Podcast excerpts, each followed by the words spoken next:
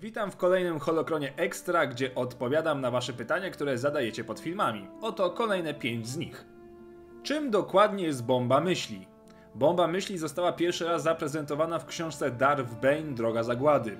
Ten starożytny rytuał ciemnej strony mocy polega na wyzwoleniu potężnej, niszczycielskiej mocy, która zabija wszystko co żywe i tym samym wrażliwe na moc. W epicentrum eksplozji powstaje wtedy biały bąbel mocy, który więzi duszę wszystkich tych, których dosięgła zagłada. Lord Khan zastosował bombę myśli na Russanie, by zakończyć konflikt między Sithami a Jedi. Został jednak zdradzony przez Bane'a i razem z zakonem Jedi unicestwił też całe bractwo Sith. Darth Bane nauczył się tworzenia bomby myśli z holokronu Darth Revana znalezionego na Lechonie.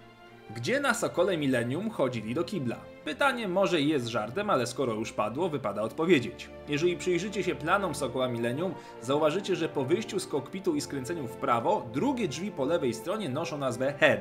W żeglarstwie tym terminem określa się toaletę na pokładzie statku. Nasz odpowiednik w żargonie żeglarskim to Kingston. Kto był najpotężniejszym rycerzem Jedi?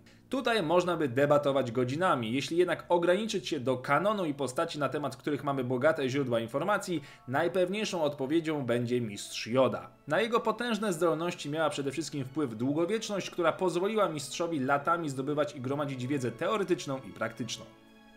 Dlaczego Jedi nie używali błyskawic? Po pierwsze, używanie błyskawic wymaga korzystania z negatywnych emocji, złości, gniewu, nienawiści, strachu i tym podobnych.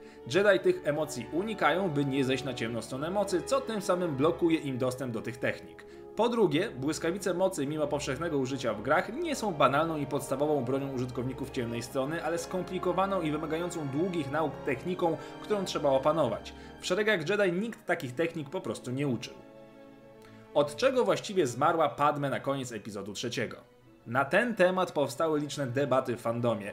Z metafizycznego punktu widzenia Padme zmarła na skutek złamanego serca, wielkich emocji, a według niektórych teorii na skutek przerwania więzi mocy, którą miała z Anakinem. Z fizycznej strony Padme urodziła bliźniaki. Niewiele wcześniej była do nieprzytomności duszona przez swojego ukochanego, a do tego była w szoku. W medycynie istnieje również rzadki zespół ostrej niewydolności serca, zwanej Takotsubo, czy też syndrom złamanego serca, który powstaje w wyniku silnych emocji. Wszystkie te czynniki z porodem na czele mogły doprowadzić do jej śmierci. Istnieje również teoria, że to Darth Sidious maczał palce w jej śmierci, wysycając z niej życie na odległość. Jeżeli chodzi o moje skromne zdanie, Padme zmarła na skutek marnego scenopisarstwa Lucasa.